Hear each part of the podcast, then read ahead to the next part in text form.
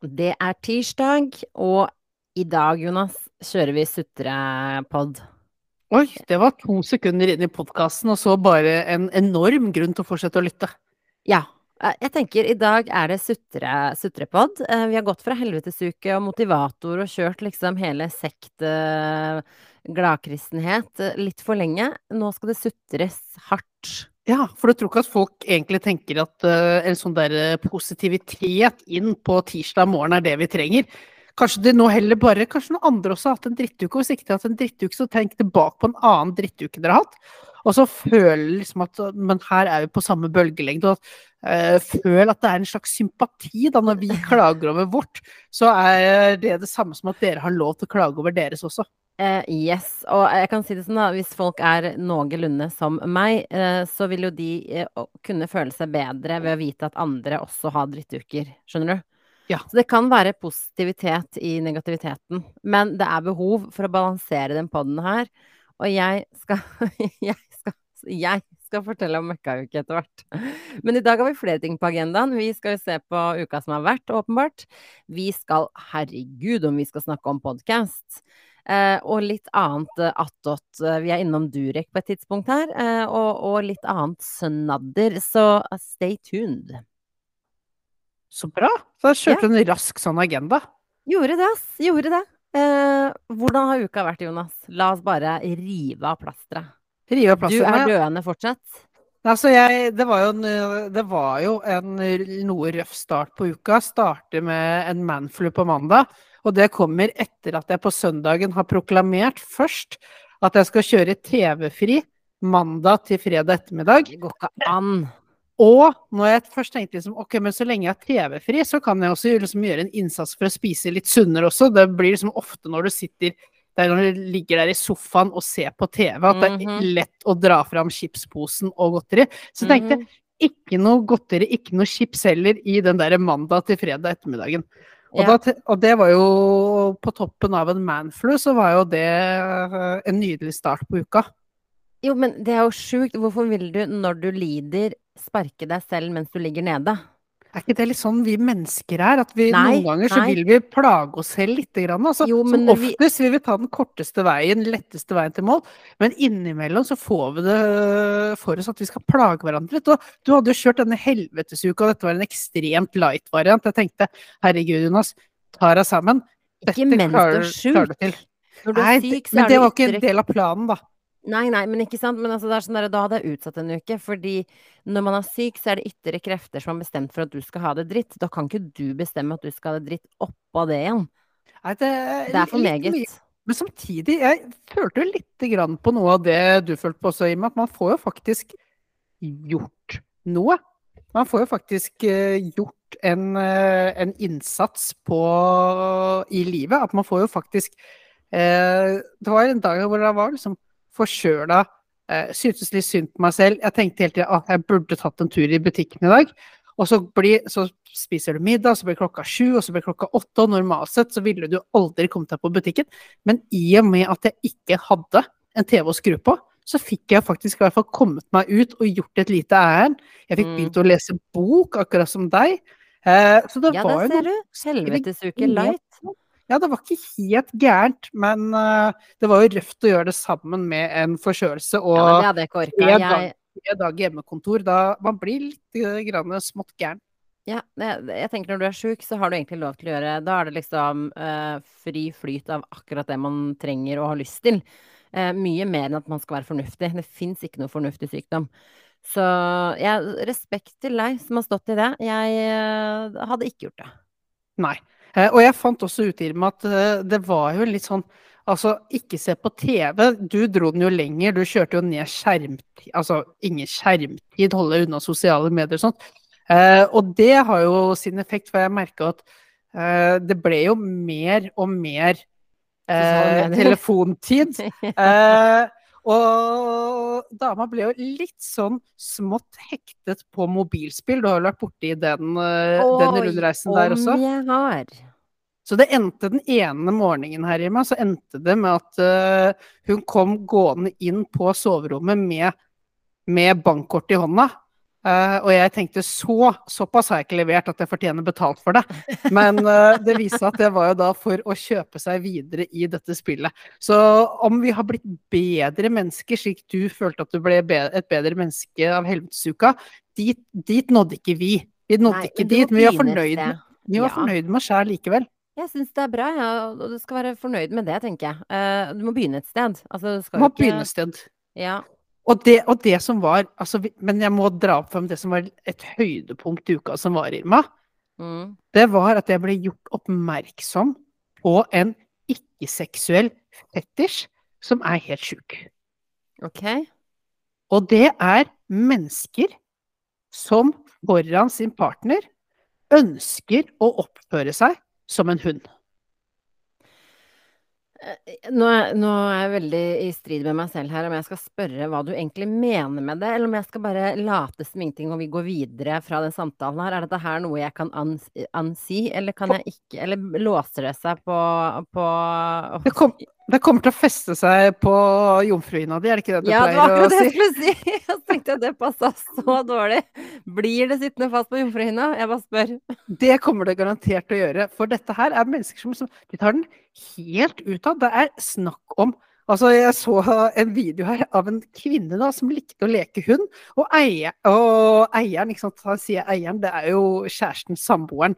Eh, men her også eieren, som da tar vare Altså, deres perfekte søndag er å gå i en hundebutikk og skaffe seg nye eh, sånne hundehalsbånd og hundeører og altså kler seg ut som en hund. Og så hopper rundt i hagen som en hund, forventer kos, spiser Altså jeg vet ikke om de spiser faktisk hundegodt, eller om de lager noe menneskegodt som ligner på hundegodt, men får sånn hundegodt, bjeffer, legger seg, kjøpte en hundeseng som kunne ligge ved føttene til sin mann. Åh, det var Ja, mye å ta inn over seg. Det, jeg eh, vet ikke om min hornhinne håndterer alt dette her. Altså, det er mye crazy eh, eh, programmer om dagen. Så, og det her klarte du å, å få med deg uten å se på TV. Det er jo ganske utrolig, for å si det mildt. Altså, det er, eh, det er sånn man kan få med seg på internett, da. Ja, ikke sant. Så jeg vet ikke om det om TV-forbudet egentlig var til hjelp for deg i det hele tatt. Nei, uh, det, Men- vi, vi, vi havner på mørkere steder enn hva TV klarer å, å trekke oss til. Det er Ja. faktisk en konklusjon. Ja, jeg tror faktisk internett er farligere, ja. Uh, ja, nei, det er eh, mye rart. Og apropos rare ting, kan vi være så snill, før jeg går på min drittuke, snakke om noe annet som vi ikke trengte denne uka her? Det er Durek som har starta et boyband, Jonas. Jeg hører du setninga? Jeg, Altså, jeg, jeg hører setninga. Krystall-Durek har starta, hold deg fast, han har starta et boyband med blant annet han Benny fra Olsenbanden junior i sin tid, og en til, eh, og de kaller seg Jacketeers. The Jacketeers. Altså eh, jakkefolket, for å kalle det det. Eh, Ja. og, de, og så tenker du, hvorfor det? Jo, fordi de møttes i en klesbutikk tilfeldigvis, og alle tre skulle ha en eller annen ufyselig jakke som var på tilbud, og de fikk så mye komplimenter av de ansatte, så da tenkte de ha-ha, vi er The Jacketeers. Og så var det sånn, oi, det er kanskje ikke en dum idé. Du, vi lager musikk sammen, og det har de gjort. De har lagd afterski i Quail. Jeg vet ikke hva Quail, Quail, Quail. Jeg vet ikke hva det betyr. Eh, Men de har lagd en afterski-låt i disse jakkene og kalt seg Jacketeers og Durek. Altså, Har du når du tenker at den mannen der har tjent penger på dumme ting tidligere, så er det sånn Hans, hans grådighet har ingen moralsk, etisk eller visuelt kompass. Det er så dumt at Jacketeers ikke kjørte den her eh, Maskorama-stilen, meldte seg på Melodi Grand Prix. Vi stemte de videre, og sånn dagen før Melodi Grand Prix-finalen i det store utland, så bare drar de av seg masken, og så innser vi at vi har sendt, sendt Durek Verrett som norsk representant i Melodi Grand Prix. Det er eneste måten jeg syns dette kunne vært en god idé på. Ja, nei, det er Jeg kan ikke skjønne noen ting, og jeg må bare Altså, jeg er så sjokkskada av hele greia at uh, Og har Og, og han bruker, ikke sant har, Vi vet at han har brukt kongefamilien for alt det er verdt for å tjene penger. Og det stopper jo ikke der. Han er jo veldig fornøyd med sin nye kjendisstatus. Fordi her er litt av teksten, Jonas. Hold deg fast. Musikalsk genialitet coming your way. I'm a fancy-pansy, Gucci knickers, langrennsski med flagg and stickers. Dancing like I don't care, so take a pic for Se og Hør. Cause I'm raving at the mountain bar, so go ahead and take a shotty. Det er sterkt. Det er sterkt. Her er det, er- her er det mange som har møtt sin overmann på det lyriske eh, plattformen. Jeg, ja, jeg kommer personlig til å oppsøke hvert eneste menneske som lytter på dette her. eh, og, Ta det og som en gj- trussel. Ja, og, og gjør dette her til en eller annen hit. Det her kan aldri bli lyttet på eller bli til en hit. Det kan vi ikke som nasjon tillate oss.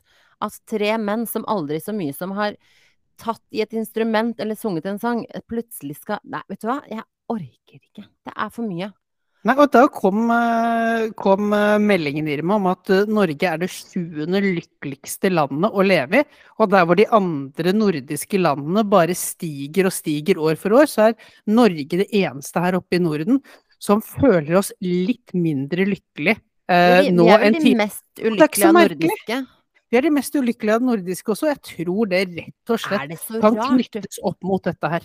Vi har Durek, vi har Sofie Elise, vi har Altså, gud hjelpe meg, har du sett hva vi holder på med om dagen? Altså, selvfølgelig er vi ulykkelige. Det er jo null substans lenger. Men det sjukeste er jo at Finland er de lykkeligste. Er Altså, ikke Finland den med høyest suicide rate? Leste jeg en eller annen gang et sted. Og det her kan være fort fake news, ikke vet men, jeg. men da er det ikke så merkelig med Vi har jobbet i et firma tidligere også hvor de, de som ikke var eh, så fornøyde, de bare sluttet, og dermed skårte man høyt på sånn her eh, medarbeidertilfredshet. Fordi det var såpass ille for de som ikke likte det, at de sluttet. Eh, og det samme er det litt sånn i Finland. Det er, de har det ille nok for de som har det ille, at de ikke lenger er med i Ja, kåringen neste ja. år. Ikke sant. Og da blir jo statistikken sånn passe bra. Ja, men du ser jo, du kan jo se på ansiktene til finnene at de er lykkelige. Det er Ja. eh, intet folkeslag som utstråler eh, slik lykke og eufori på samme måte som finnene. Så at Ja, de stakk av med seieren er ikke noe sjokk i det hele tatt. Nei, og det er De har sauna. Det sier sitt, liksom. Saunatradisjonen i kultur, altså, det er gjort bare der. De svetter ut alle deres problemer. Ja, de gjør rett og slett det. Så vi De har har også arrangert Altså, VM i sauna endte jo opp med dødsfall. Det er derfor de har sluttet å arrangere VM i sauna.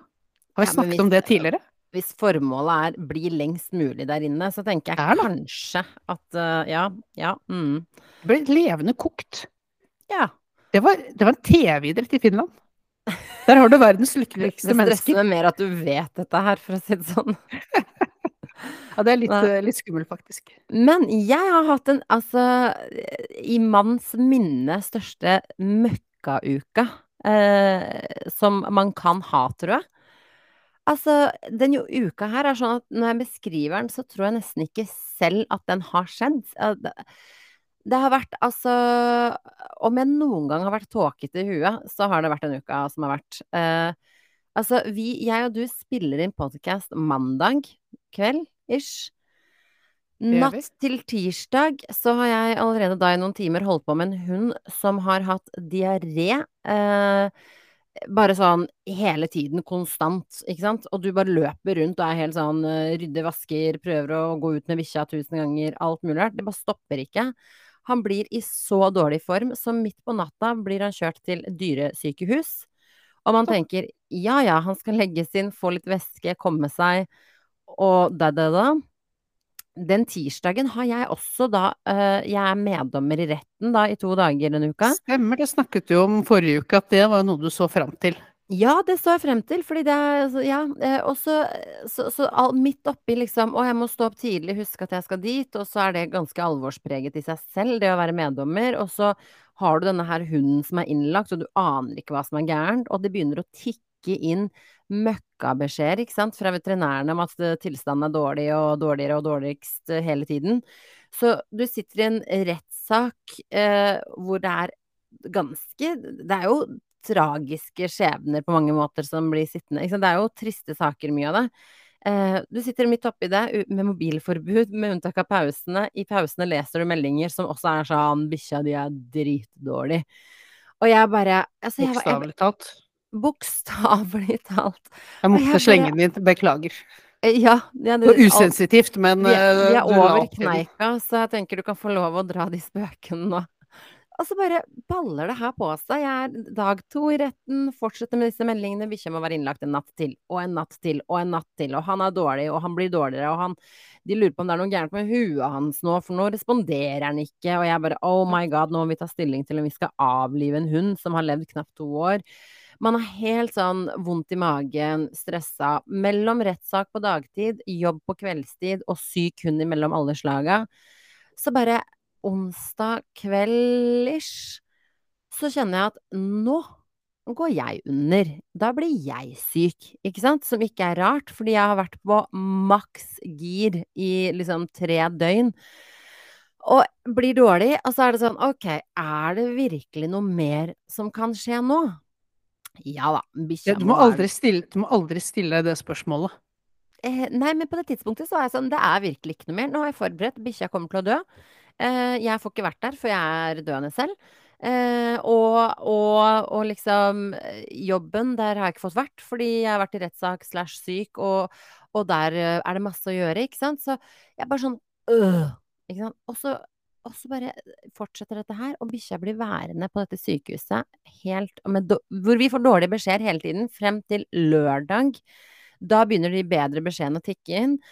Og vi begynner å glede oss over det, helt frem til noen forteller oss at dette her kommer til å koste oss 80 000 kroner disse fem overnattingsdagene. Og så er det sånn, ja ja, men vi har jo forsikring, da, ikke sant. Man betaler jo ikke for helse i Norge, verken for store eller små. Og så bare, jo jo, men forsikringa dekker bare sånn 30 maks, liksom. Og jeg bare, å ja, å, ok, jaha. Så masse sånn, å bikkja blir kanskje frisk. Mm, og det kommer til å koste en formue. Og så henta vi den på søndag.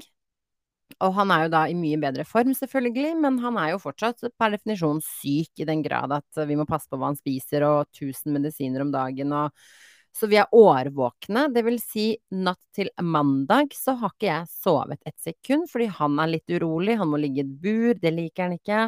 Jeg må følge med så ikke han slikker på sår. Eh, man passer på at ikke han får diaré i buret. ikke. Så jeg har per definisjon egentlig ikke sovet ordentlig nå på en uke. Og vet du hva jeg valgte å gjøre? Mandag morgen, altså det vil si i går, da. eh, etter en beintøff møkkauke, så er jeg sånn Nå skal jeg på jobb, for nå er bikkja hjemme, og vi har liksom fått kontroll. Men jeg skal stå opp grytidlig, og så skal jeg dra og trene, for nå skal jeg ta vare på meg selv. Fordi nå bare Ja.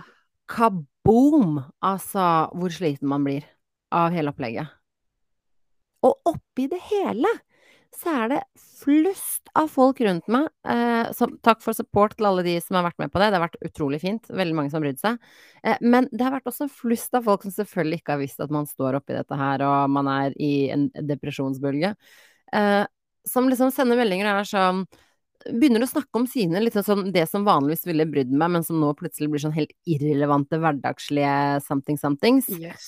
Og jeg tar meg selv til her er sånn Jeg blir sur. Jeg gir deg beng om du kjøpte den buksa eller den buksa. Altså, hva er det du sier, liksom? Dette har ikke jeg kapasitet til. Så, så det var en uh, fiffig, fiffig uke. Dette var den ekte helvetesuka. Det var den ekte helvetesuka. Altså, hjelpes meg. Så sånn går dagene, da. Eh, ikke få en syk hund. Og, Ja. og, og jeg tenker eh, og Fant du ut hva som var galt med han? Eh, ja, han hadde en betennelse slash infeksjon eller noe sånt i tarm, som da ødela hele systemet, på en måte fordøyelsessystemet og alt. Og det er jo vondt og sårt og hele pakka, det. Eh, og så er det jo farlig, fordi hvis han eh, har diaré, så er de såpass små at hvis ikke de får væske i seg, altså vann typ, Ja, han er jo en kjøttkake.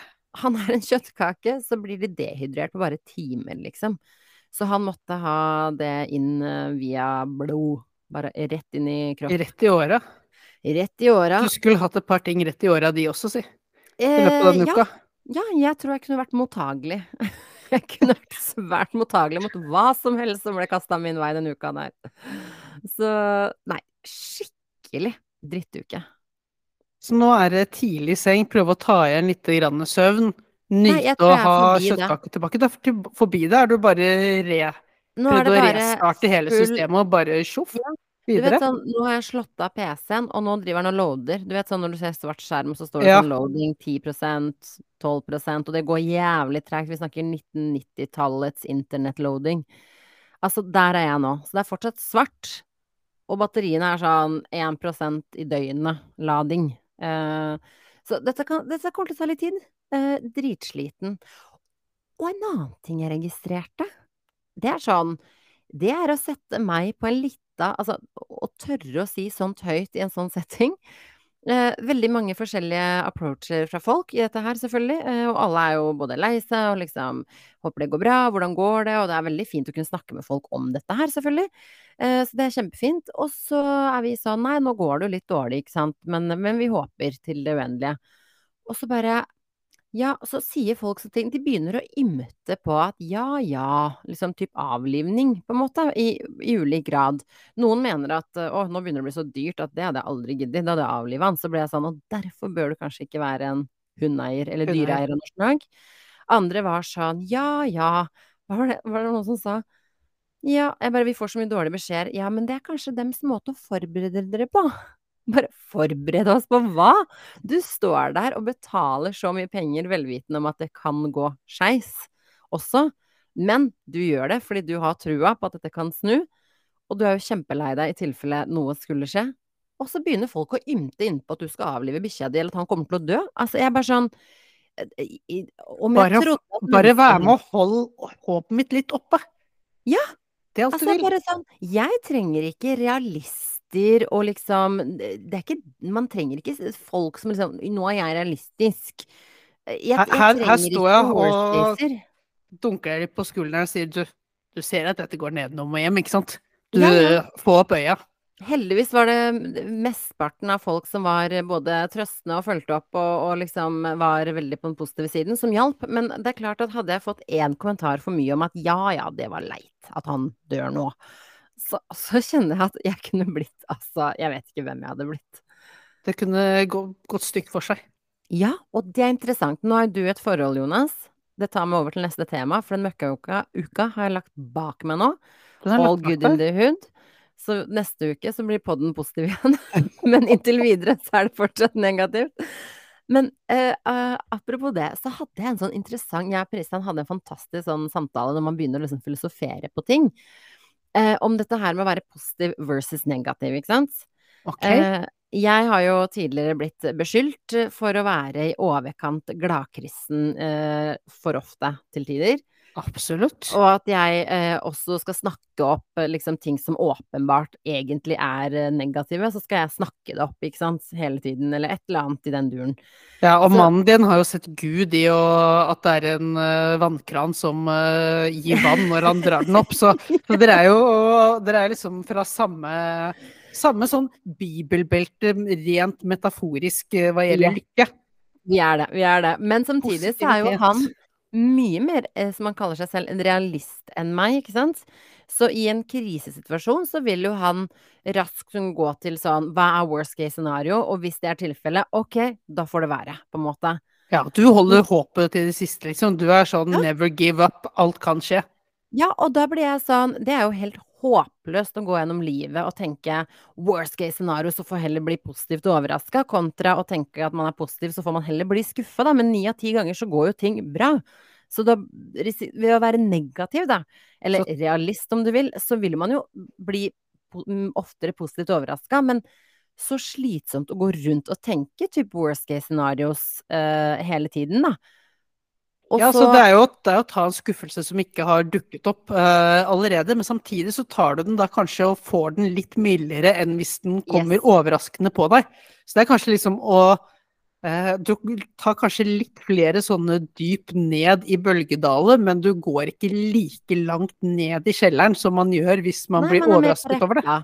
Mer preppa mentalt. Man er mer preppa mentalt, men så er det sånn, selv om man utviser en kjempepositivitet i krisesituasjoner eller andre situasjoner, så er det jo ikke sånn at man ikke forstår alvoret i situasjoner. Det var jo ikke sånn Nei, det er liksom forskjell der på å være helt blind, naiv og Ja. idiot. Men, men man feeder litt av, da. Eller man føler seg jo bedre ved å holde en positivitet i noe dritt, ikke sant. Og så, det, så begynte vi å sånn, snakke frem og tilbake, og vi, jeg elsker når vi har sånne samtaler, for da liksom diskuterer vi, og filosoferer litt sammen, da. Um, og da var det sånn, ok, men hvis, sånn som, hvis du måtte velge, da. Uh, ville, du vært, ville du hatt sånne negative personer rundt deg som hele tiden er realister? og ser litt mørkt på det meste? Eller ville du hatt en som er gladkristen, nei, gladkristen glad, liksom, eh, rundt deg hele tiden? Og der var han sånn Nei, jeg skulle gjerne hatt realister rundt meg. Sånne folk som bare er sånn Sånn er det, og sånn. Det er ikke noe problem, liksom. Jeg Så bare flott, sa du og pakka bagen og dro. Ja. Og jeg har ikke sett han siden. Mens jeg er bare sånn Jeg vil jo ha folk rundt meg som ser noe positivt i alt, og drar meg litt med i den energien. Sånn som jeg også føler at jeg har lyst til å dra folk inn i min energi, ikke sant. Men, men det er klart at når jeg møter på sånne, blant annet disse her som var sånn Ja, det er jo leit at han dør nå. Sånn, Men, men nå har i hvert fall blir- sluttet å renne ut. ja, det, det, alt har sluttet å renne, kan man jo si. Ja, ja. Det er full stopp på det, renning. det blir stopp på alt. Det er full, det er ingenting som renner lenger. Ingenting renner over, ut eller noe sted lenger. Ja, ja. Så prøver, men så prøver jeg liksom å forklare litt sånn Den negative energien som folk kan ha, da. Eh, I stor eller liten grad. Og der kan du si deg enig eller uenig, Jonas, eller hva du tenker rundt det. Altså, man trenger jo i en, i en gruppe mennesker, for eksempel, la oss si man har ti mennesker. Man trenger jo bare én person som slenger én eller to sånne negative, tunge kommentarer, før hele dynamikken endrer seg. Så er Det lurt å være så jævla realist hele tiden? Nei, det er ikke det. Folk vil jo helst ikke ha realister rundt seg. Ah, så du stilte spørsmål til meg og svarte på det før jeg kom til ordet? Nei, nå kan vi si at du er enig. nå, nå, nå som du har gitt fasiten, så kan er jeg komme inn. selvfølgelig enig med meg, antar jeg? Ja, men jeg, i stor grad så er jo det. Altså, jeg tenker jo det er, eh, det er sjeldent eh, noe som blir bedre av å være negativ. Jeg, samtidig så er jo jeg er jo veldig glad i galgenhumor. Eh, Ja. Det er jo litt min løsning på det. Altså skal du liksom først bli litt negativt realistisk, så må man prøve å legge litt humor på det, og prøve å kunne le litt av situasjonen. Ja. Eh, samtidig, jeg tror jo også at man kanskje Man trenger jo Altså, jeg skal ikke si at motsetninger er viktig her, for jeg tror ikke du trenger på en måte andre siden av skalaen fra det du er, men noen som tenderer litt grann over mot Mm. den andre siden, som kan balansere deg opp. Ja, eh, samtidig som de enig. ikke på en måte trekker deg ned. Det tror jeg er viktig. Jeg tror liksom det er noe som Bra å ha noen som kan uh, se det, sørge for at uh, uh, at man ikke mister helt bakkekontakt, men samtidig som også ser det positive at du kan dra dem litt opp også, da. At Ja, at du havner der på sånn verdsetter begge deler. Ja, at du kommer og så er det jo grad, ikke nivå. sant. Når vi snakker om realister, så er det jo folk som kan på en måte tenke umiddelbart realistisk. Eh, og så er det på en måte tynn linje mellom realisten og pessimisten, eh, som er stor Ja. forskjell på de to, ikke sant. Jeg tror folk flest skal klare seg ganske greit med folk som er realistiske, selv om det til tider også kan bli ganske slitsomt. Men pessimisten er jo dødens havn, liksom. Altså, altså å ha sånn surmuring eller sutring, eller hva du vil kalle det, og liksom at alt er så jævlig svart, eller at enhver Altså, eh, jeg, jeg syns det er eh, sykt spesielt, liksom. Og jeg, og jeg kjenner ja, at jeg eneste- tiltrekkes jo ikke egentlig det. Ja, det eneste som kan være det, at du kan jo, det kan jo være med å skape en sånn fandenivoldskhet hos folk. Da. Så hvis man ah, disse her tror jo ikke at vi kan få til dette, at ikke dette her går, da Mm. skal vi fanke meg i hvert fall vise at det går. Så kan, de kan liksom Nei, det er det det kommer mest motivasjon ut av, det er å motbevise eh, slike mennesker. Jo, men det er også veldig hardt altså, Ta det fra en som på en måte kan fint være i veldig mange forskjellige grupper mennesker. Eh, hvor noen du, Som sagt, det trengs bare én person i gruppa eller whatever til å liksom eh, sutre eller uh, ikke sant, et eller annet hele tiden. Eh, Det er lettere å drepe stemningen enn å Enn alene dra den opp. ja, det er det jeg mener. Så for hver gang man omgås sånne sutrehuer, pessimistiske folk, så, så blir man altså så drained for energi. Fordi hvis jeg er på skala 1 til 100, da, 70% positiv, som er ganske gladkristent, ikke sant, og du er minus 50 pessimist og sur, så må jeg opp på 150 for å ligge på mitt egentlige nivå av lykke. Altså, jeg må liksom Du må overkompensere. Og så er det stor, det er liksom, er det stor forskjell. Altså, alle har jo lov til å falle ned, altså i humør, bli ulykkelig. Ha, altså, det er lov å permanente Ja, pessimister. Ja, og for det er lov å ha sine nedturer. Det er lov å ha sine nedturer og rett og slett føle at nå Dette funker ikke. Nå er Dette går ikke. Nå er det bare skit, drit. Man Selvfølgelig. skal Altså, få lov til å duppe ned der, men så er det det derre Hvilket nivå klarer du liksom å jobbe deg opp på? Ja, og du skulle sett meg sist uke. Det, jeg var på ingen måte Det var null gladkristenhet noe sted å spore, for å si det mildt. Det var mer sånn nedstemt surhet eh, over alt som foregikk. Men, eh, men samtidig, det, det er forskjell på liksom i situasjoner eller innimellom, eller når livet byr deg imot. Men jeg snakker om de derre Du er et tungt menneske å være rundt, liksom. Altså sånn Ja. Slutt å være så negativ. Altså, hva Hvor hardt er det å stå opp om morgenen og gå ut i verden som du i utgangspunktet bare hater?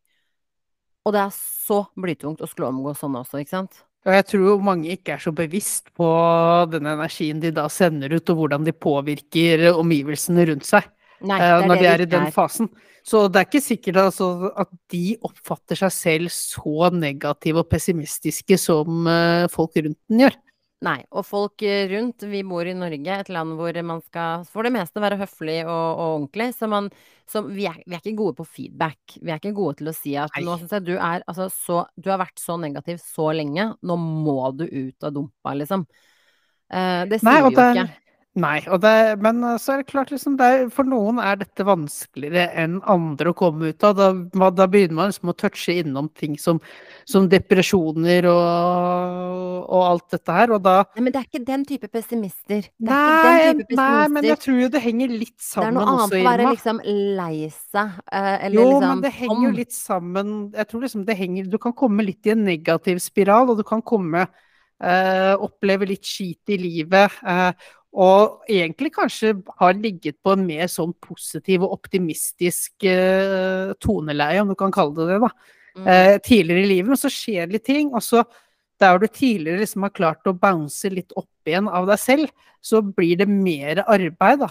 Eh, og tyngre arbeid eh, for hver gang. Ja. Og til slutt så havner man litt i, i det her at det her er nye, nye meg, og det er ting i livet som ikke er så greit og ikke er så ålreit, og man tar kanskje ikke tak i det heller. Og da, da er det jo lett tror jeg, som at folk kan synke litt ned i den sumpa, ikke klare å se seg selv eh, utenfra. Ikke se heller at Mm. at det blir jo bare en forsterker til denne negative effekten. Fordi det er, det er utrolig krevende for mennesker rundt deg eh, å or nummer én orkes å omgås, og ikke minst orke å prøve å løfte deg opp igjen. Eh, Ja. Og det er det som er Og jo nærmere du står, jo mer føler du på en samvittighet for faktisk å gjøre dette her. Da prøve liksom Mm. å løfte dette mennesket eh, du står eh, nære, samtidig som det er på en måte mye negativitet rundt det. Og, og det, det kan liksom tappe, tappe alle parter der. Så det kan Og så det blir er jo utrolig da lei situasjon å havne i. Ja, det er kjempeleit, men eh, så er spørsmålet er din sinnstilstand viktigere enn min? Så hvis du drar meg ned, og jeg drar deg opp, uh, er det egentlig noen vinnere i dette her? Jeg vil jo si at det å dra opp noen koster så jækla mye mer. Uh, så Nei, det er dritvanskelig. Og nå, nå er vi veldig dypt inn i liksom, tematikken, og det var jo egentlig ikke så, så dramatisk var det ikke, men vi begynte å snakke om dette her med liksom realist, optimist, pessimist osv. Ja, Pristan. Kanskje, egentlig kanskje, greit å, det er kanskje greit at vi hever blikket litt over bare vår egen elendighet i løpet av en, uh, en liten podkast også. Ja, var det ikke vi sa at hvis andre har det verre, så føler man seg bedre? Man er bedre. Nei, men jeg, jeg tror jo alle vi, vi har vel alle godt av å innimellom stoppe opp og analysere oss selv, for det går også andre veien, Irma. Vi får jo være litt sånn eh, Ta litt eh, blikk innover mot oss selv og være litt selvkritisk også. Det, det kan jo også være i overkant slitsomt å ha for positive mennesker eh, rundt seg. Og hvis man eh, Man kan også sånn i worst case positive er ikke vi, Jonas. Vi er, ikke, vi er ikke så positive. ja, men noen kanskje føler det, vet du, Irma. Og, det kan jo være, og da tenker jeg da kan du også føle at denne personen kan jeg ikke ha noe ekte, ordentlig samtale med. Jeg håper jo ikke vi er, eh, er helt der, men Hallo, Men- vi har en podkast hvor vi bretter ut følelsene våre. Hvis ikke man kan ha en ordentlig samtale med oss, da jo, men jeg sier bare at det går an å bikke over på Mosas side også, Irma, hvor det blir Men sånn hvordan blir man for positiv? Hvordan altså, hva, hva er negativ effekt av å være for positiv? Er det noe som egentlig er for positivt? Fordi jeg Det, det savner er et for positivt menneske. Ja, men jeg tror det mye der er jo at hvis du, hvis du møter et altfor positivt menneske, Mm. så er det jo veldig ofte det er et eller annet uh, ikke fullt så positivt på innsiden som den vedkommende prøver å skjule. Så du kan jo ofte tenke at den positiviteten Altså, delvis er en, er en forsvarsmekanisme. Rett og slett. slett. Tror du det? Og så kan det også være, og jeg mener jo også at, det går, at du møter på folk som er for lettsindige, at du kan ha en alvorlig samtale, eller at du kan føle at du relaterer til alle ja, liksom- livets sider med. Da. Men, Selvfølgelig, fordi for mye så av det gode på alt får- er, jo, er jo vondt, på en måte. ja, Så men de personene får jo på en måte sitt bruksområde. Altså, Det er på en måte den personen du kan gå ut og ta en fest med, eller uh, le og kose deg med på stranda. Men uh, når hunden din blir dårlig, og du trenger noen å prate med, så er det ikke sikkert at uh, det er vedkommende du vedkommende du vårt tyr til. forhold. Vi drar på fest sammen og drar på stranda sammen. Det er så klassisk. Det er, eh, vi, Det er vi, vi, vi kan knapt være sammen uten å være alkoholpåvirket, Irma. Det er oss to i et nøtteskall. Spesielt du er Spesielt jeg har problemer med det. Og apropos eh, å løfte seg selv opp, i den perioden nå forrige uke, så var jeg sånn Jeg syns så synd på meg selv, for nå er det bare sånn dritt på dritt på dritt på dritt. Så jeg tillot meg selv å spise godteri. Du tok motsatt approach fra meg der, ja. Ja, ja, ja, ja, ja, ja. Altså alt, alt av ytre faktorer jeg kunne kjøpe meg glede av, kortsiktig eller langsiktig om du vil, eller for det meste kortsiktig. Det, Ja, kortsiktig. benytt- I og, regn. I og med at den regningen kommer snart, så var det best å, Å, best du, å svi kortsiktig. de, den regningen, den betalte vi på stedet. For jeg var sånn, den vil ikke jeg vite at har eksistert. Det skal ikke ligge noen faktura hjemme som jeg kan se fra tid til Det her må bare gjøres opp umiddelbart. For hvis, hvis dette her fortsetter, hvis jeg må høre om de pengene i fremtiden, så kommer jeg til å altså bli så deprimert. Jeg bare Vet du hvor mye penger det er? Jeg bare Hva faen er det dere holder på med her inne? Er det sånn spahotell for dyr? Altså Nei da, det er dyk veldig dyktige folk, mye medisiner og kompetanse, så det er vel fortjent. Det er bare Jeg har aldri vært borti det før, og det, at det er så insane, liksom. Det er like dyrt å legge inn en hund på dyresykehus i Norge som det er å legge seg inn som menneske på sykehus i USA. Og det er jo var det var fin- andre som sa også i dag. Ja, så det er en fin, eh, et fint perspektiv også, da. Så det betyr Det jo at eh, vi har noe å gå på i dyrevelferd, velferd, og så har vi, eh, kan vi være ganske lykkelige for at, for at du ikke, at ikke Hvis dette her skulle skje din mann, Irma, så kan ikke, slipper iallfall folk å si jo jo, men eh, går det gærent nå, så er det i hvert fall slutt på, på det pengetappet her. Ja, det er ikke sånn Jeg får ikke avlive han. Du får ikke avlive Men det som er så Jeg har lært så mye en periode. Altså, jeg har lært så mye av de greiene her.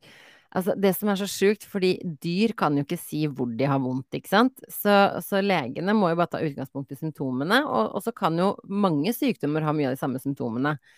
Så det de må gjøre, er at de må bare starte fra liksom A til Å, og bare elimineringsprosessen, ikke sant.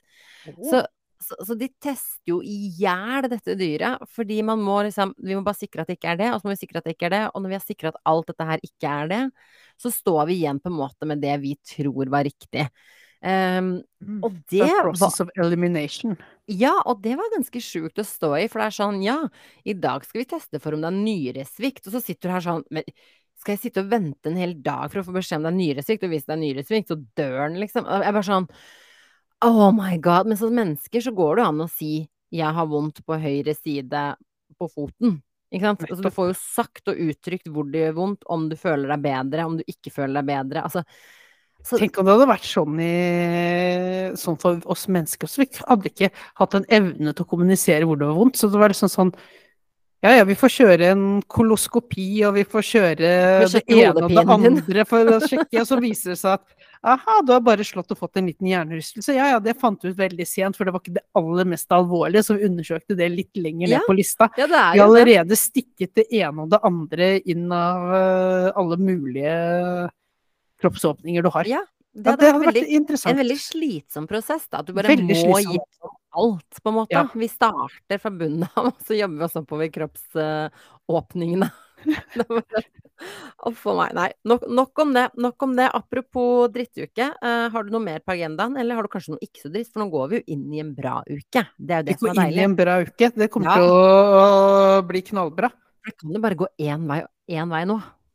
Ja, ja, nå kan det bare bli bedre. Nå jinxer jeg det. Nå kommer positiviteten din og slår noe på deg. Kan man bli for positiv? Ja, det kan man, Irma. Vi venter i spenning til neste uke på hva som går gærent pga. jinxen din nå. Yes, takk for meg. Ja, nei. Hadde du noe annet, eller skal vi over til Formel 1 Studios? For der har vi nok å ta tak i. Nei, jeg tror vi kan bare bjeffe oss over eh, i neste segment ja, og si hasta la vista til eh, de som ikke ønsker å være med dit. Vi ses eh, hvert øyeblikk i Formel 1. Jeg vet ikke hvorfor de avslutningene mine alltid blir så rare i overgangene. Altså, vi ses i Formel 1. Jeg vet Ja. ikke hva det betyr, jeg. Nei, det, det vet ikke jeg heller. Er, uh, Kan man er- ses i Formel 1? Men du har jo vært eh, tidligere TV-vert og sånt også, Irma. Var ikke dette her liksom noe av det som var Nei, handlet om profesjonalitet? Å kunne kjøre gode overganger inn ut av stikk og segmenter? Jeg skylder på møkkauka og tåkejernet, OK? Ja, Jeg står i du- det. Og du har manflu, så du har unnskyldt uansett hva du gjør feil en runde. Ja, ja, jeg har ikke sagt noe som helst. Jeg overlater dette her til deg, og bare se hvordan skip, eh, skipet synker hver eneste uke. Det føler jeg déjà vu at du har sagt meg før. Men Formel 1, Jonas, nå er vi i Formel 1. Nå er vi i Formel Jeg har sett Formel 1 denne helgen her, Irma. Ja, det er bra. Det er bra. Eh, Ja, ja, jo, jo. Det er, det er jo bra for podkasten og dette segmentet. Men for mitt liv så kan jeg ikke si at det ga veldig mye. Jeg tuna jo inn, tenkte liksom OK. Eh, nummer én, altså hele helgen startet jo bisart med at eh, Ferrari må ta en eh, grid penalty fordi de har byttet system for tredje gang før løp nummer to i sesongen. De har Ja, brukt har- opp alle gangene de kan bytte ting Ja. før løp nummer to. Yes, og da er spørsmålet, ikke sant, sånn, vi vet jo på det tidspunktet her nå, fra forrige sesong også, at på det tidspunktet her nå, så er det ingen som skjønner noen ting av hva Ferrari holder på med, ikke sant? Altså, de har bytta sjef, og de har bytta en og annen person her og der i dette systemet, men vi ser jo helt åpenbart at det fortsatt er, det er et eller annet sted de ikke har løfta et eller annet i rota, for å si det sånn. Eh, fordi det, det er, altså nå, Det nå går gærent. det går gærent, og, og det verste er at alle heier jo på Ferrari. Alle vil jo at de skal lykkes. Man unner dem en seier som på en måte forsvant litt og glippa litt i fjor. Og så bare altså, er det ingen som har trua lenger. Man har bare mista fullstendig. Fordi hvordan kan man ha fire måneder å jobbe på en bil i denne såkalte ferien, minus to uker hvor de ikke får lov å jobbe i det hele tatt? Eh, hvordan kan man ha all den tiden til å utvikle den bilen, eh, gjøre den klar, og så må du bytte mest essensielle delene tre ganger før innen to uker har gått. Inni er løpsperioden. Og så, og så bare Du så også Leclerc var ganske frustrert. Han får beskjeder ganske seint, som gjør at han kan umulig hente seg inn eller tilpasse seg. Eh, I dette tilfellet her så fikk han beskjed veldig seint om Louis Hamilton sin posisjon i, um, i forhold til han. Eh, og da var han jo veldig irritert. Så jeg tror han begynner liksom å komme dit hen at nå er det ikke noe teamstemning lenger. Nå er det liksom dette- Det teamet suger, liksom. Halleluja-stemningen er eh, brått forbi. Men ikke sant, da var jo Leclerc, Leclerc var litt ned på gr- griden. Verstappen var langt ned på griden etter at eh, bilen kollapset under kvalifisering. Så jeg tenker OK, jeg skal gi det et forsøk. Ja, det er noen noen som- momenter som er spennende, ja. Ikke sant, noen momenter. Og så tok det vel, hva tok det, 19 runder eller noe sånt, så var safety car ute, og Max Verstappen lå på fjerdeplass og var liksom rett i hæla. Så bare OK, Mm. vi er en tredjedel i løpet, og all den ulykken som har skjedd han tidligere uh, i helgen, er bare radert bort. Og Eh, så bare og måten han kjører bare Red Bull å bare dominere, kjøre fra resten. Og det skjer altså fra runde sånn 2025 og ut i løpet, så skjer det så lite. Det er så mye fokus Mm. på en helt uh, tullete kamp om 13.-plass. Fordi det er det eneste som skjer ute på banen. Ja, og vi snakker om eh, Sergeant Logan halvløpet, fordi det er veldig interessant om hvorvidt han går fra 14. til 12. plass og hurra meg rundt. Og så er det sånn Når var det det som skjedde bakerst i feltet var mest interessant? Og hvor Altså det, Det er men, ikke Sunnestein. Det er ikke sunnhetstegn, og jeg tror Liberty Media skal få bryne seg litt. Fordi de må nok gjøre noe greier, for det er investert litt for mange milliarder i å få denne sporten ut i verden, og nå er den ute i verden. Og nå må du leve på momentumet, hvis ikke så faller både Netflix-serien gjennom, og så begynner ting å gruses, eh, fordi ingen ingen av disse nye fansa som ikke kommer til å følge med hvis ikke det er masse drama og action, de kommer til å falle fra som fluer. Det vil si et massivt tap i penger. Dropper Netflix det fordi det ikke er spennende nok storylines. Ja, Så- jeg vil tro vi nærmer oss det. Jeg tror Netflix-suksess, altså Netflix-haien, er passert. Jeg tror det går nedover nå. Så bare ta noe sånt, altså som historien om Fernando Alonso den helgen. Det Mm. kunne jo blitt en rå historie. Altså først og fremst, du har den mest rutinerte føreren i hele feltet. Klarer å gjøre den største juniortabben. Altså, du og jeg, Irma, klarer å parkere bilen vår innafor de to strek, hvite Mm. strekene på parkeringsplass. Det klarte ikke Fernando Alonso. Han klarte ikke å parkere bilen sin riktig på startstreken. Han hadde mista litt fokus. Hadde mista litt fokus. Og så likevel altså et lite sånn senior moment uh, Ja. der. Og så likevel så klarer han å fighte seg tilbake, ta en pallplass. Uh, han tar og, og server straffen sin, og han kjører det han kan, sånn i tilfelle det ikke var greit innenfor uh, gulflagg. Det burde liksom, reglene burde jo være så tydelige at det fikk man beskjed om underveis Ja, etter løpet. reglene Man hadde altså, jo en time på å finne ut av det. Og så kjøre alt han kan for å klare å slå Russell med fem sekunder likevel. Klarer det, OK, det blir ikke noe etterspill. Jo, hvis pokker blir et etterspill. Han blir fratatt tredjeplassen sånn en time, halvannen etter racet. Og så, halvannen times tid etter igjen, så får han tilbake den tredjeplassen. Mm. Altså, du kan ikke holde på sånn. Vi kan ikke sitte en hel uke og vente på at resultatet skal bli endelig. Det er ikke kommersielt, det er ikke salgbart. Og når de klarer de å rote det til sånn, det er ikke folkelig, de mister, eh, mister folk Og når de kan vingle sånn som de har gjort nå, og vi har jo sett dette her før, ikke sett meg engang i det dystre øyeblikket Førstappen fikk masse hjelp til å, til å vinne et mesterskap. Men altså, vi har jo sett dette her før. Når de tuller det til, når tilliten faller til de her som faktisk skal være kontrollorganer, så er det sånn Ingenting av det de sier har noe vekt lenger, liksom. Altså sånn, hva er en penalty lenger? I dette løpet så er penaltyen fem sekunder, i neste løp er det ti sekunder for akkurat samme problemstilling. Eh, altså det straffes i det uendelige forskjellig og på dagsform nærmest. Disse reglene er det tydeligvis ingen som forstår. Teamene, teamene gjør jo Ja, teamene gjør ikke engang de har en magefølelse for hva, hva et utfall av en bedømming skal bli. Det er jo ingen som egentlig har et eierskap fullt og helt til idretten. Altså, og det verste er, vi var jo alle frustrerte når, når Fernando Alonso mista plassen sin, selvfølgelig. For vi unner jo Det er jo jævlig kult. Kanskje det er det eneste som er litt gøy oppi teten der. At han er litt oppe og nikker og litt uventa moment. Men, men så er det sånn når de, vi kan forstå det, for det ble jo sirkulert bilder hvor vi ser at hans Jackman, for å kalle han det, plasserer den jacken er det lov å si at du har en Jackman? Han har en Jackman. Og han Greit. plasserer den jacken under og klargjør den under bilen når du ikke har lov til å røre bilen under penalty. Og så blir det litt sånn Og tar du igjen, det er jo helt idiot, utrolig idiotisk at det går an å gjøre en sånn Igjen en juniortabbe, da, av et team. ja, ja, det, det, er, så- det er så amatørmessig at gud hjelpe meg. Og én ting er at han gjør denne feilen, men det står jo masse folk rundt han hands off. Noen burde jo sett og vært sånn no. Eh, og det verste er at det her skjedde jo løpet før. Men hvem var det? Var det eh, Ocon? Kan Som være, jeg så ikke på det stå Ja, det gjorde ikke det. Jeg tror det var Ocon som havna i nøyaktig identisk situasjon. Straffa på straff på straff, for de klarte ikke å gjennomføre straffene riktig. Og også der var det noen som toucha borti bilen, ikke sant.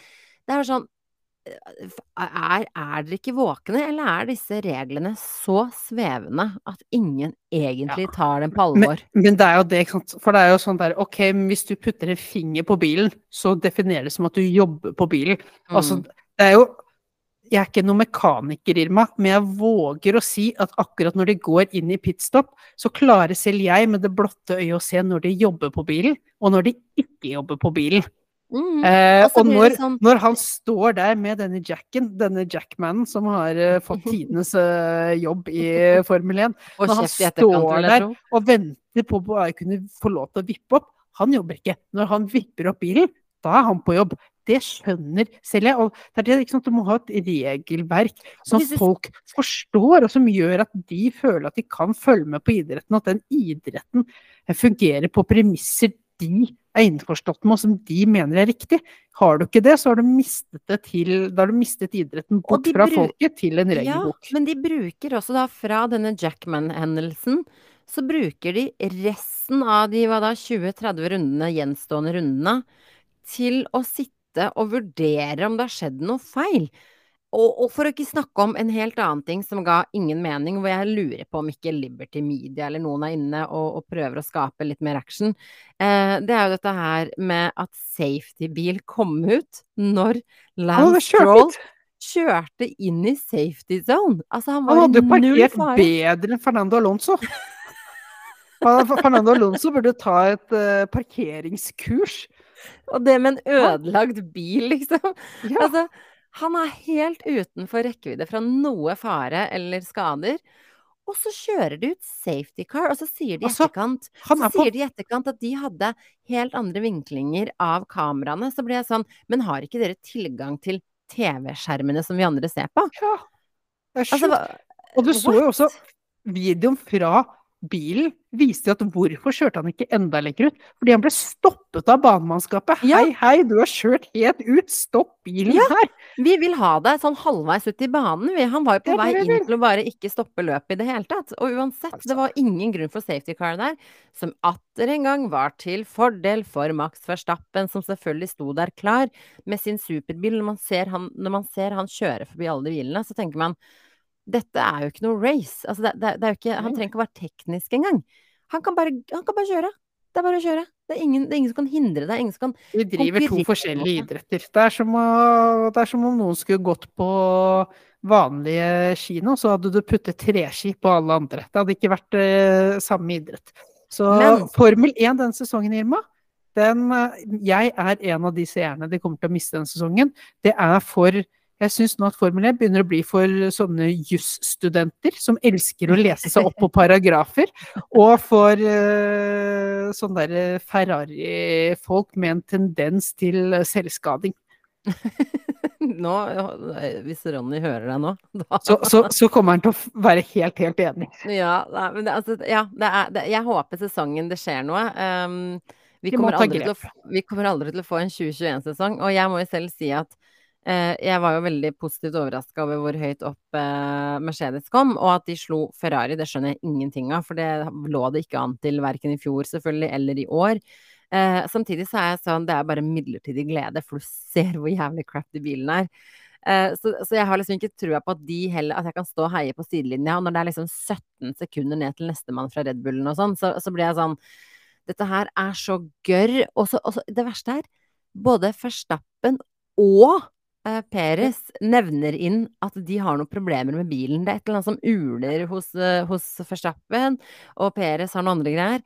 Og fortsatt så er det sånn, med en defekt bil av noe slag, et eller annet som er defekt, så klarer du, uten å, uten å anstrenge deg engang, å bare gruse de andre med liksom mange sekunder. Altså, Åh, det Ta, ta det med ro, din Formel 1-bil faller sammen, men du konkurrerer mot Ola-biler. Dette går bra likevel, Ja. gutten min. du kan løpe ved siden av dem, du. Fy faen. Nei, det er så, det er så, det er så trist. Og, men jeg, jeg, jeg har trua på én dramating som kan skje. Som vi så et snev av, som kan tære på resten av sesongen. Og det kan bli veldig spennende. Og det er internt i Red Bull. Vi registrerte at Peres får en beskjed om at han skal kjøre uh, sånn og sånn hastighetsstemning, som betyr du må slowe ned. Og den beskjeden får han selvfølgelig, vi som har fulgt med en stund, skjønner jo at han får den beskjeden, fordi de har et håp om at førstefører Max Verstappen som ligger bak han, skal hente han inn og kjøre forbi. Han nekter jo det, og det skjønner jeg jo, fordi han sitter jo nå og vokter sin egen rygg hele tiden, og det er jo logisk, fordi nå står jo de likt på poengsummen. Det er jo ikke noen grunn til å gi fordeler til Max Verstappen bare fordi han er gullgutt. Hvis Beres har mulighet til å faktisk være oppe i teten, så må han få den muligheten. Men det tror jeg ikke han kommer til å få. Jeg tror den sesongen her at vi kommer til å se intern battling, intern uro. Eh, og jeg tror vi så allerede et snev av Max Verstappen som eh, hang seg opp i at han skulle ha dette eh, fastest race-poenget. Bare for å ligge det lille hestehodet foran eh, eh, teammaten sin. Og der ser du akkurat hvor lite team spirit og hvor Altså, det, det er null team spirit i det laget der, for det har vært maks, maks, maks vært veldig gøy hvis Peres faktisk meldte seg inn i den kampen, og det kunne bli reelt oppgjør dem imellom. Det kan være interessant. Det kan være interessant, men jeg tror Max Verstappen er såpass overlegen og har hele laget på sin side at det til syvende og sist ikke blir så veldig mye drama rundt det hele. Nei, det er, det er det jeg frykter, da, ikke sant. Fordi men, men, skal du skape noe, så er det der du må skape dramatikken, ja. Det er det som er litt synd av denne sesongen her, bærer preg at vi leiter etter ting som kan skje. fordi det ikke skjer noen ting. Og så skal det sies også at uh, det var jo en uttalelse her fra Hva heter han? Helmut Å, nå står det stille for meg. Ja, i hvert fall en av disse sjefene Red Bull, eller Red Bull-seniorene som eh, mente at eh, nei, eh, Peres er en god teammate, for han justerer seg etter, eh, etter, teamet. Og i det så impliserer han, og det vet man jo egentlig, at disse bilene deres og teknologien er jo bygd på Max Verstappen sin kjørestil og hans styrker og svakheter. Så han må, så Peres må justere seg etter Max Verstappen sine styrker og svakheter underveis, ikke sant? Yes. Og likevel så klarer han å prestere det ganske bra. Men så er jo Max Verstappen overlegen, åpenbart, fordi de jobber jo utelukkende etter hans ønsker og behov. Ja. Så det må jo være Altså, for en skitt posisjon å være i, men hvis han ser en mulighet til å vinne, han Peres, så ja. tror jeg så tror jeg han kommer til å ta en Max Verstappen, og det er at jeg gir beng i teamet. Jeg gunner. Yes. Så vi får se. Men, men enig med deg. Uh, hittil um, Jeg har jo sett på Formel 1 lenge før Drive to Survive og har sett både spennende sesonger og mindre spennende sesonger. Så dette her er jo mer normalen, sånn egentlig. Det er egentlig det. Dere havna jo, hele Drive to Survive-gjengen havna, um, havna jo i 2021. Um, og det var jo tidenes sesong. Så det er bare å legge det vekk med en gang, for det er unntaket. Glem at det skal være morsomt. Skal ikke det. Skal ikke det. Skal, skal være forutsigbart, enkelt og lett å forholde seg til. Ja, men det, det er jo i grunnen det jeg liker i livet, så kanskje jeg må komme tilbake igjen likevel. Ja, og en siste ting som jeg ikke hadde tenkt å nevne, men jeg sier det fordi det er litt vondt og tungt for hjertet mitt å si. McLaren, jeg, jeg aner ikke hva de holder på med, for å være helt ærlig. De battler med hverandre på siste og nest siste plass. Det er det de holder på med. Jeg bare kaster ut der. Det må bare bli sagt. Plaster er revet av.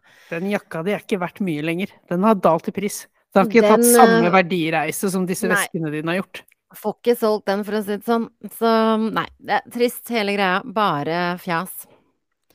Uff. Det var på inn- og utpust, Jonas. Det var på inn- og utpust. Skal vi runde av der, eller skal vi parkere denne Vi parkerer. Denne sånn eh, litt skrått uh, ut til venstre for parkeringsruta si.